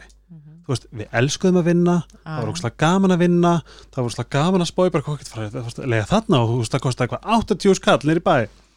Skilju, og við vorum samt með, þú veist 480, þú veist í laun. Skilju, það var actually hægt að vera með vongagvart í að byggja framtíð. Það Já. er engin, það er ekki droslega mikil vonarneisti fyrir ungt fólk. Þau sko, ef, ef þau skoða fréttamila sem ég myndi ekki svona mæla með þau myndi gera þá er það ekkert nema demotivation. Skólakerfið demotivation, það er ennþá verið að byggja hérna skólakerfið á sama grundvelli til þess að búið til gott verkafólk. Já, já. það er ekki verið að kenna skatta, það er ekki verið að kenna þetta það er ekki verið að kenna raskat fyrir fólk fyrir sko grunnskóla krakka Mhm. það er bara ennþá sama sama, þú veist íslenska, þú verður nú að læra stö, snorra störlusson veist ekki hver það er. Þú veist, og þú veist ekki nóg með það fólk og svo er verið að berjast fyrir að fá fólk í háskólanum já, já, ég meina það er náttúrulega líka annað mál sko, þú veist, það er ekkit það er næsta þur, málaflokki Nei, menn það þurfa ekkit allir að vera með háskólamöntun Ég meina, Nei. hvað er það? það meira, þú veist, það er verið að hvetja fólk til þess Já, já, en hver er grundullurinn það Já, er námslán sem við mun aldrei að borga upp. Já, já. Girl, this is fucked up. Nei, meina þetta er auðvitað alvarlegt að fólk upplifi eins og það er ekki samstæðina það er auðvitað bara staðrind og, ég meina, framtíð framtíðin, hér er ungt fólk mm sem að vill starfa hér og vill alveg bönnin sín -hmm.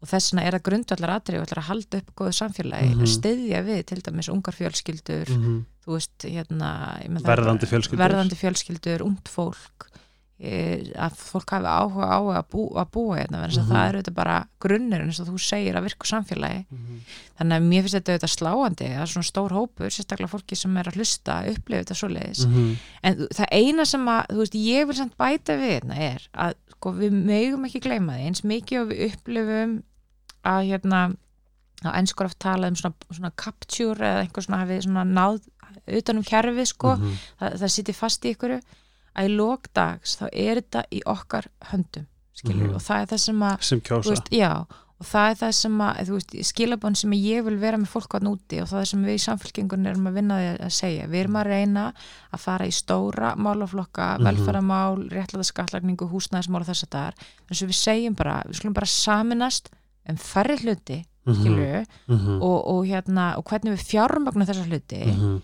e, til þess að komast eitthvað áfram, verðan það er hægt að gera hlutina öðruvísi Einmitt. og ekki festast í eins og þú segir að rífast um áfengi í búðir eða einhver hliðarmál skilur sem að Mhm. kljúfa bara þjóðina en þetta tekur tíma og þetta mun taka tíma og ég verið mjög heiðarleg við fólk af því að þú varst að tala um hérna áðan svona, uh, þá hliða mér að ég hef bara sagt við fólk, ég vil ekki lofa upp í ermina mér. Nei. þú veist, vekkferðin sem við erum að núna í samfélkingunni með þessum fundum sem við erum að halda er að ég er að reyna að sapna upplýsingum. Ég er þetta með fullt að skoðanum sjálfhelgi Mhm. en ég er ekki pólitík fyrir sjálfa mig. Ég Nákvæmlega. er pólitík fyrir aðra. Nákvæmlega Ég hef þetta ákveðin gildi og ramma og trúi á það sem þú veist að sjóði og við erum í þessu saman, Mhm.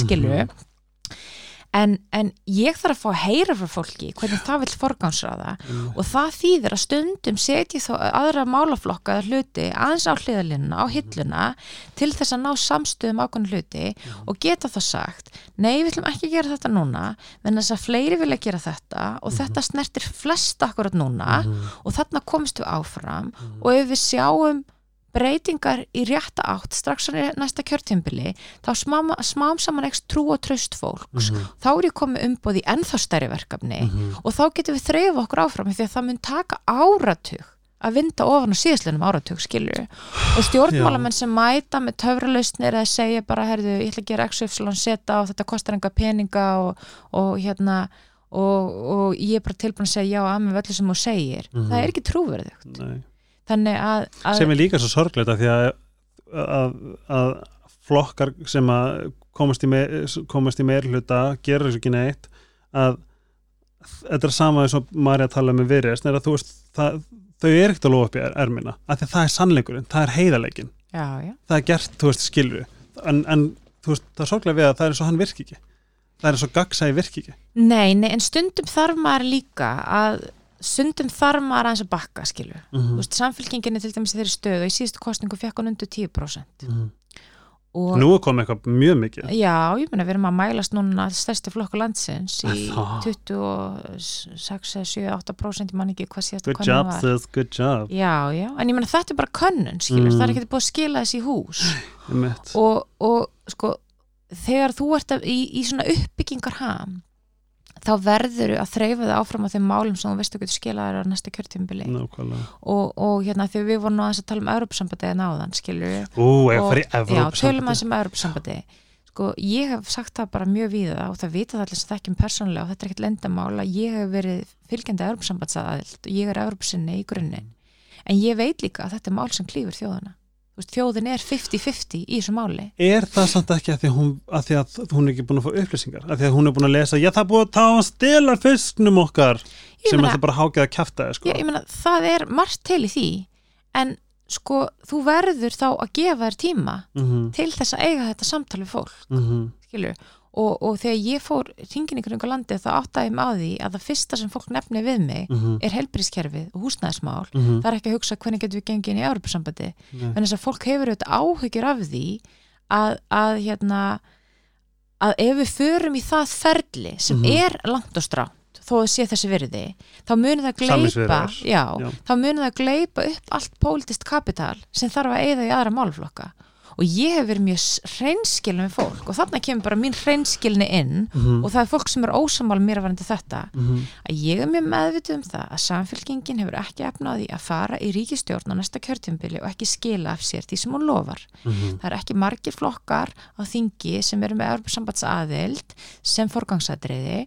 Meiri sér flokkar eins og viðreist ári, sko fyrsta skipt sem þau fóru í ríkistjórn 2016 þá fóru í ríkistjórn með sjálfstæðarsflokknum og hendu út Europasambands aðilds pælingunni sinni. Já, það. Meina, það var bara fyrsta sem var gert vegna þess að þeir flokkar sem fóru í það samstarf voru ekki sammála og ég er ekki til, og ég er ekki að segja þetta til þess að vera eitthvað að tala illum viðreist, ég bara, nú er ég bara að tala um real pólitíkina Mhm. að, að hérna meiri sér samfélkingin, ef ég drullum það að sé við samfélkinguna líka skilju ég meina samfélkingin, hún fór í ríkistjóð 2009-13 með Mhm. vinstri grænum og reyndi að koma þjóðunin í Európusambandið en Vafki var ósamala Mhm. skilju og, og samfélkingin þurfti að hörfa frá því markmið skilju, þannig að þannig er ég þetta bara ég meina þannig er ég bara í real pólitík að segja Mhm. að sko það sem að þjóðin þarf Mhm. er vilirði og eitthvað saminningarmál sem við getum skilað á okkur á næsta kjörtímabili. Mhm. Ég veit að við getum farið í réttláta skattla, skattlagningu, við getum farið í að fá meira út úr öðlundunum okkar sem við eigum, við getum fengið, að, fengið meira að fara þegar við skoðum bara uh, hvernig við, við breytum skattkerfunu þannig að, að, að svigrum hjá þeim sem að hafa svigrum um, er nýtt Mhm. um, og ég veit að fólk vill setja meiri peningi í helbriðismál ég veit að fólk vill fá regluvettari uh, húsnæðismarkað Mhm. og ég vil byrja þar og ég vil taka einstakling sem býr á Sauðakróki og Rauvarhöfn og Selfossi og í Garðabæ og í 101 Mhm. sem geta verið ósamálum Evrópusambandsaðild en eru sammálum heilbriðismálun og skattheimtuna af því að við erum sterkari saman Mhm. og það, ég verið mjög hreinskilin með það Mhm. að þetta er mín leið að markmiði að við byrjum þar sem við erum ekki klofin Mhm. þar sem við höfum stóran og veglegan meirhluta með þjóðarinnar Mhm. þar sem við getum farið í breytingar sem munum vissulega breyta daglega líf fólks vegna þess að það mun hjálpa við vexti og verbulgu Mhm. ef við náum niður eh, þrýstingnum á húsnæðismarkanum með betri aðgerðum eins ofnbara húsnæðismarkaði skilur við, við munum ná niður launaþrýstingi og verbulguþrýstingi ef við hættum að láta fólk borga 150.000 krónur til þess að fara í hnið aðgerð skilur við, við getum haft mikil áhrif innan í innanlandskerfun okkar. Það þýðir ekki að ég hef ekki áhuga á Európusambandinu Mhm. en ég er ekki tilbúin að missa af samstöðunni einhver staðar út á landi eða í garðabænum eða sama hvað sem hún er mhm, vegna þess að fólk er ennþá hrætt við Európa-sambandið. Þá vil ég frekar segja fólk ok, komust áfram hérna saman. Mhm, ef þú sér það mér er treystandi fyrir því einmitt, og ég skila því af mér og ég geri það vel Mhm. og ég stend undir kostningunum minni mhm, þá kannski, kannski, kannski treystur mér því ég segi við þig ef við göngum inn í Európa-sambandi þá skal ég passa upp á þig. Og ég skal passa upp á því að það sem hefur sögulega gæst Mhm. og íslenska sagan uppfylla að þegar hefur verið ráðist í kerfisbreytingar þá hafa oft jaðarsettur hópar orðið eftir á eða landsbyðin hefur orðið eftir á skilju, og Mhm. fólk bara er rætt við söguna mhm, og rætt við Brussel og bjúrakrasju og helgi það er mjög eðlilegt að fólk sé rætt við eitthvað svona stórt. Mhm, og þá er ekki mitt hlutverk að segja við Helgi ekki vera hrættur þú þarft ekki að vera hrættur, það er bara rugl. Heldur ég þarf að sanna það fyrir þig mhm, að ég muni passa upp að þig. I Mhm. got your back, back, skilur en á meðan ég er bara með 10% fylgi úr síðustu kostningum mhm, ég er bara með 6 þingmenn, ég er ekki með þessa átján sem ég er núna að mælast með henni mhm, þá þarf ég að vinna mér inn þetta traust. Og þetta er mín nálgun í pólitíkin í dag. Eitt sem ég er að spá Já.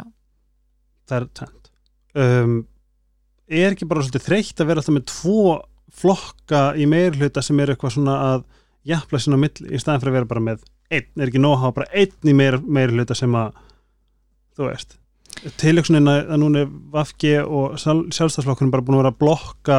Mál hvers og annars framsókn, það er náttúrulega Og- þrýflokkar núna. Já, framsókn, og svo gerist ekkert. Er þetta ekki bara dröllu fokkin þreið jú, jú, en á Íslandi erum við með fjölflokka kerfi, þar að segja við erum með fleirum tvo flokka, ekki eins og í bandaríkinum Mhm. og, og í rauninni eins og í Bretlandi. Þó þar sé fleiri flokkar þá e, hafa svona tveir flokkar verið stæstir, svona kannski ígildi samfélkingarinnar Mhm. og síðan, og síðan sjálfstæðisflokkurinn Labour í Bretlandi, svona eins og Mhm. samfélkingin og Tories kannski eins og hérna, eins og sjálfstæðisflokkurinn og ég meina miðflokkurinn er bara inn í Tories, já, já.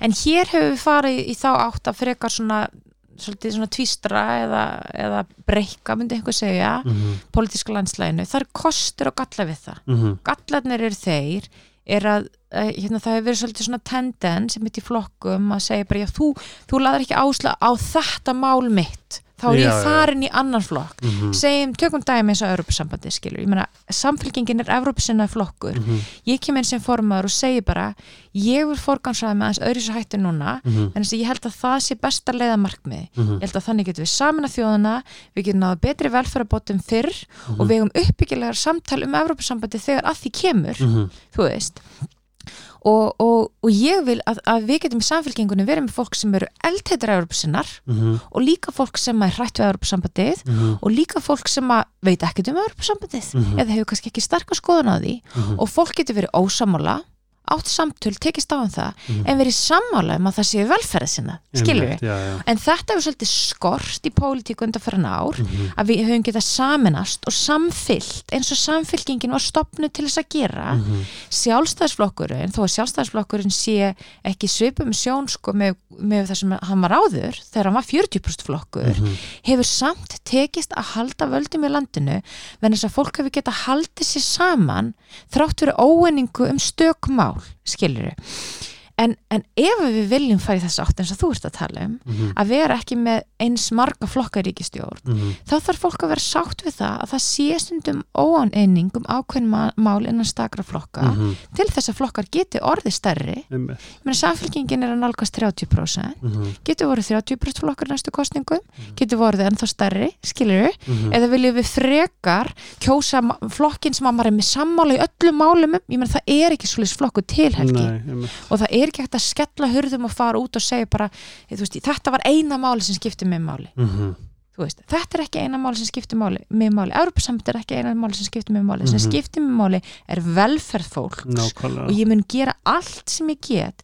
til að koma á ríkistjórn þar sem við getum saminast um betri heilbyrðistjónustu, mhm, betri húsnæðismarkað og velferð. Einmitt, og þannig eigum við uppbyggilegt samtal með Európa-sambandi síðan að lokum er þetta að segja líka það að það hefur þetta ekki verið hefð fyrir því á Íslandi sem er til dæmis hefð fyrir á Norðurlöndunum að vera með það sem kallast minnilöutastjórnir og það er til dæmis eins og ef þú tekur núverandi fórsetisraðara uh, Danmörkur, Mette Mhm. Frederiksen sem er jafnaðar kona mm -hmm. hún er sýsturflokku samfélkingarinnar er í sýsturflokku samfélkingarinnar hún, er, hún var aftur fórstisráðra núna og er reyndar í svona breyðri stjórn en síðasta ríkistjórn sem hún var í þá var hún með öllu ráðunitin þrátt fyrir að vera ekki með meira hluta atkvæða mm. þá var hún í, í það sem er kallað minni hluta ríkistjórn þar sem voru bara flokkar sem stuttur ríkistjórnina Já, en stigu ekki inn í hann skilur, já, já voru ekki með ráþæraembetti mm -hmm. og, og það er hæð fyrir svona til dæmis á Norðurlöndum bara til þess að halda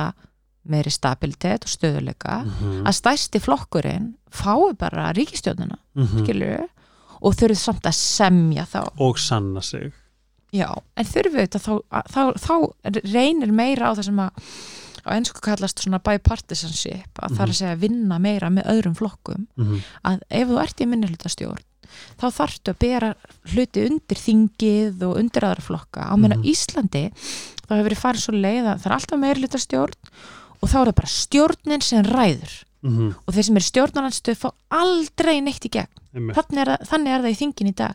Við í er samfélkingunni getum komið kannski með eitthvað frábært þingmál. Mm en það er algjör undan tekning ef það er hlustað á það. Nákvæmlega. Og ef við hlustað á það þá er oftast reynd að bara yfirtaka málið endurskrifa það og eigna sér það skilju, þannig að þetta er líka svona Það pólitískar venjur skilju, sem að, já, Oppa Ég- hefur náttúrulega reynsla þessu líka Já, ég held að þetta væri þannig, bara ég sverða og ég var bara til að breyta í akút, það er bara, herrðu, hér er frumvarp, það er geggjað, rauðra grænt nappur, grænt, ok, flott, þetta, er á lög. já, ég veit að við erum på tíma, við erum falla tíma en það, það svona gerist alltaf í podcastum já, bara eldsnögt, það sem, að, það sem, að, sem ég verð að spyrja. Núna Já. er skatturinn okkar 38% eða eitthvað og meiri því meiri sem þú þénar. mm Um, er raunhæft að hækka skatta -hmm. og að, að þe- þegar núna, núna virkar svo skatturinn okkar skattpenningur fari í ekki raskat. Ekki raskat í alveg, bara það er ekki það er bara verið að brenna þetta. Það er bara að hendur sér kóli eða hendur sér í vasan á einhverjum, ég veit ekki sem hvað er að gera við þetta. Um, er raunhæft þa- þarf hækka skatta eitt en er ekki raunhæft að það þurfa að vera annað fólk við stjórn í hérna, fjármjörnrandur er það ekki, er það ekki miklu mikilvægur heldur en að heldur en að hérna, hækka skattana? Uh, bæði. Ok, breytið því. Ég meina hvernig, hvernig það er gert skiptir máli en þetta er alveg sjúklega góð spurning. Já. verna þess að sko það er enda há skattur.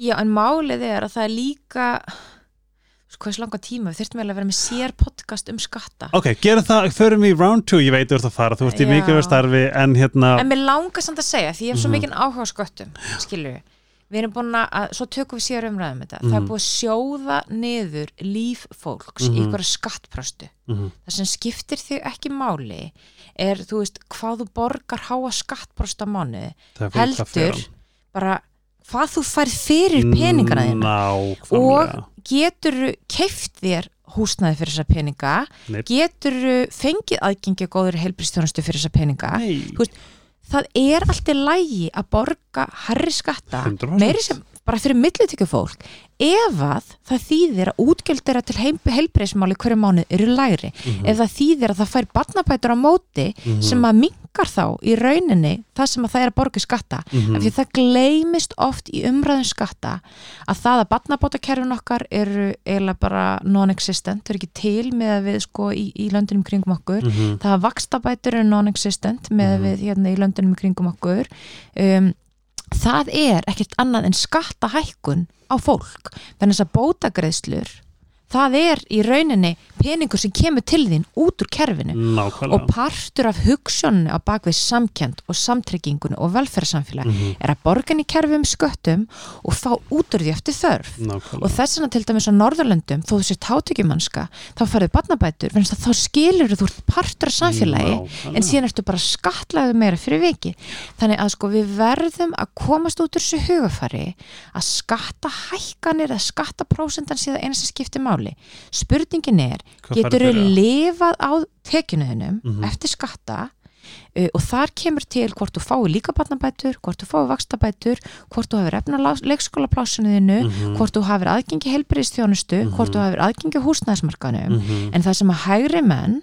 og fólki sem er í efstölugun samfélagsins hefur tekist að boran í hausuna fólki er að skatta hækkanir eða, ska, eða, eða hérna, háir skattar eins og þeir eru á. Norðurlöndunum séu slæmir nákvæmlega, vegna þess að það hendar þeim nákvæmlega. af því að þeir sem eru í hæstu tekjunum og eiga mest í samfélaginu þau nota velferðarþjónustuna minnst þau þurfa minnsta barnabótum að halda og minnsta vakstabótum að halda og minnsta heilbyrðstjónustuna að halda og minnsta félagslegu húsnaði að halda Mhm. þau þurfa minnst á samtryggingunum að halda og þess vegna er svo auðvilt fyrir þau að gera fólk svona aftengt við skattkerfið en, en það er mjög skiljanlegt að þú spyrir þessa spurningu Helgi venna þess að, að sko við látum það kannski vera loka orði Mhm. að það sem að ég er að berjast ymmit fyrir er þessari, er þessari sko að vinna mót þessari aftengingu sem hefur orðið við samfélagið Mhm. að fólk upplifir, ég er ekki að fá neitt fyrir skattana mína Mhm. og þegar við erum með stjórnmálamenn og ríkistjórn sem er alltaf að segja við erum að vinna í þessu, við erum að gera svo mikið svo sér maður í fjárlögum það er ekki verið að setja pening á rétta staði Mhm. eða það er bara verið endalins með einhverju stýrihópa og er aldrei vilja til að taka stóra pólitískar ákvarðanir. Mhm. það sem þú skapar er vantrú fólks á því að við getum leist stór samfélagslega verkefni saman. Nákvæmlega. Þá fer það að hugsa bara, akkur er ég eiginlega að borga inn í þetta? Á ekki bara að gera þetta sjálf á ekki frekar bara að byggja um skattalækkun fá peningana, vinna svart veist, vinna svart reyna að borga mig fram fyrir röðina af því allir Mhm. hinn er að gera það Mhm. og veistu hvað gerist þá? þá brotnar samfélagið Nákvæmlega. og undirstæðan fellur saman og nákvæmlega þetta er það sem að sko, þeir sem að trú ekki á samfélagið og vil ekki taka þátt er að reyna borin í hausuna fólki en ég vil vinna mótið þessu Jöp. En þess að samfélagið snýst um samtakamátt og samkend og við Mhm. greiðum inn og fáum út eftir þörf Mhm. þannig að ég hvet fólk bara til þess að horfa fram hjá þessari gaslýsingu um Mhm. skattana og treysta manni það er það sem ég er að vinna í, trúveruleika og trösti að því ég segi ef ég hækka þennan skattstofn þá fer það í að bæta þitt líf. Nákvæmlega. Ekki til þess að, að láta því bara greiða á þess að fá neitt í staðin fyrir það. Nefnilega. og þessa umræðu verður að taka vel í aðrandar næstu kostninga Mhm. að ég skal lofa þér Helgi og nú þegar byrjað, skilur við að gaslýsingin gagvart mér og samfélkingunni verður og bara þú veist stay tuned, hún vil bara hækka skatta og lífið ykkar verður ömulegt Veist, og þá á fólk að vera krítist og spyrja móti, já, ok En en þið, já. Hvað fæ ég fyrir það en hvað ætlað þú að gera? Ætlað þú bara að halda áfram að gera allt óbreytt og ekkert gerist? Mhm.